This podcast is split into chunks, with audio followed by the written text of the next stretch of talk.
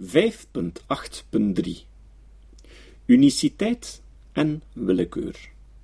Het feit dat de psychoanalyse zo excessief generaliseert, zorgt ervoor dat haar zogenaamde complexiteit, die voor velen een reden tot bewondering vormt, in feite niet meer dan een bedrieglijk luchtkasteel is. De enige zin, immers, waarin psychoanalytici elk geval verschillend behandelen, is dat ze in elk singulier geval verschillende wegen bewandelen om telkens opnieuw op hetzelfde uit te komen. Hetgeen dan gedicteerd wordt door de theoretische preoccupaties van de school waartoe ze behoren. Een Oedipuscomplex, een minderwaardigheidsgevoel, een scheidingsangst, een onbewuste dat gestructureerd is als een taal. Freud bijvoorbeeld bewandelt in zijn droomduidingen duizend en één verschillende wegen om telkens opnieuw op krek dezelfde conclusie te stoten. Dromen zijn in werkelijkheid vermomde, infantiele wensvervullingen. Langs die grillige paden rijgt hij woordspelingen en polyglotte associaties aan elkaar, onthult hij groenten en paraplu's als fallussen, kachels en schepen als vagina's, of tandtrekken als masturbatie. Ook vandaag blijkt trouwens dat van de potgerukte Freudiaanse interpretaties het nog goed doen. Aan de faculteit Psychologie van de Gentse Universiteit krijgen de studenten een casus van een kind dat angstig was omdat het zijn amandelen moest laten knippen. Volgens de psychoanalyticus van dienst verraadde deze reactie, leven de complexiteit van de geest, een onbewuste castratieangst.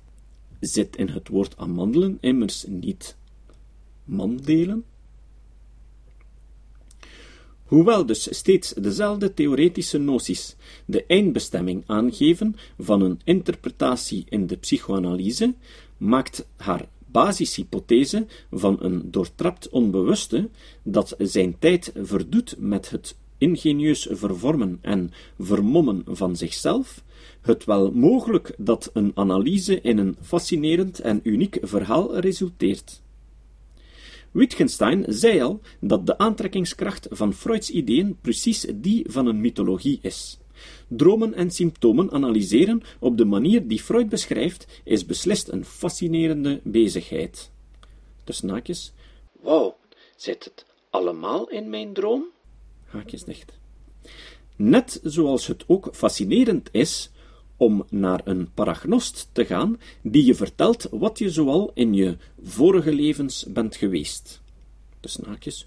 Wauw, heb ik dat allemaal meegemaakt? Haakjes dicht. Als psychoanalytici deze vorm van uniciteit op het oog hebben in hun betoog, wilde interpretatieve methodes die een mini-mythologie voor elkeen produceren, dan leidt het inderdaad geen twijfel dat ze er de absolute koplopers in zijn.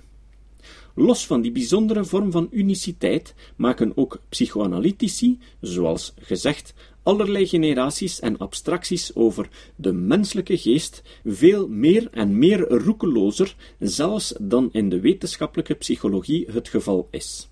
Wie beweert dat de psychoanalyse niet generaliseert of categoriseert, is simpelweg met een botte ontkenning bezig van waar het in de psychoanalyse om gaat. In tegenstelling tot wat de psychoanalytici van hierboven beweren, is het wel degelijk mogelijk om in een psychotherapeutische praktijk psychologische kennis over de mens aan te wenden.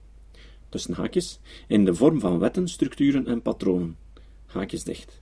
En tegelijkertijd toch met de uniciteit van elke mens rekening te houden zowel in de eerste als in de tweede van de opgesomde betekenissen. Het gebruik van het singulariteitsargument om aan de wetenschappelijke methodes te ontsnappen, komt dus neer op een retorisch kunstgreepje dat handig van de verschillende interpretaties van de uitspraak elk geval is verschillend gebruik maakt. Psychoanalytici beginnen met de radicale uniciteit van de versie 3 en 4 te verdedigen de eigenlijke immunisatiestrategie. En wanneer wetenschappelijke critici dan opmerken dat niet elk geval volkomen singulier is, in de zin dat we wel degelijk op algemene empirische wetten kunnen voortgaan, dan zullen de psychoanalytici dat genoegzaam als een bevestiging zien dat alleen zij werkelijk het menselijke individu respecteren. Haakjes open, in de zin van versie 1 en 2. Haakjes dicht.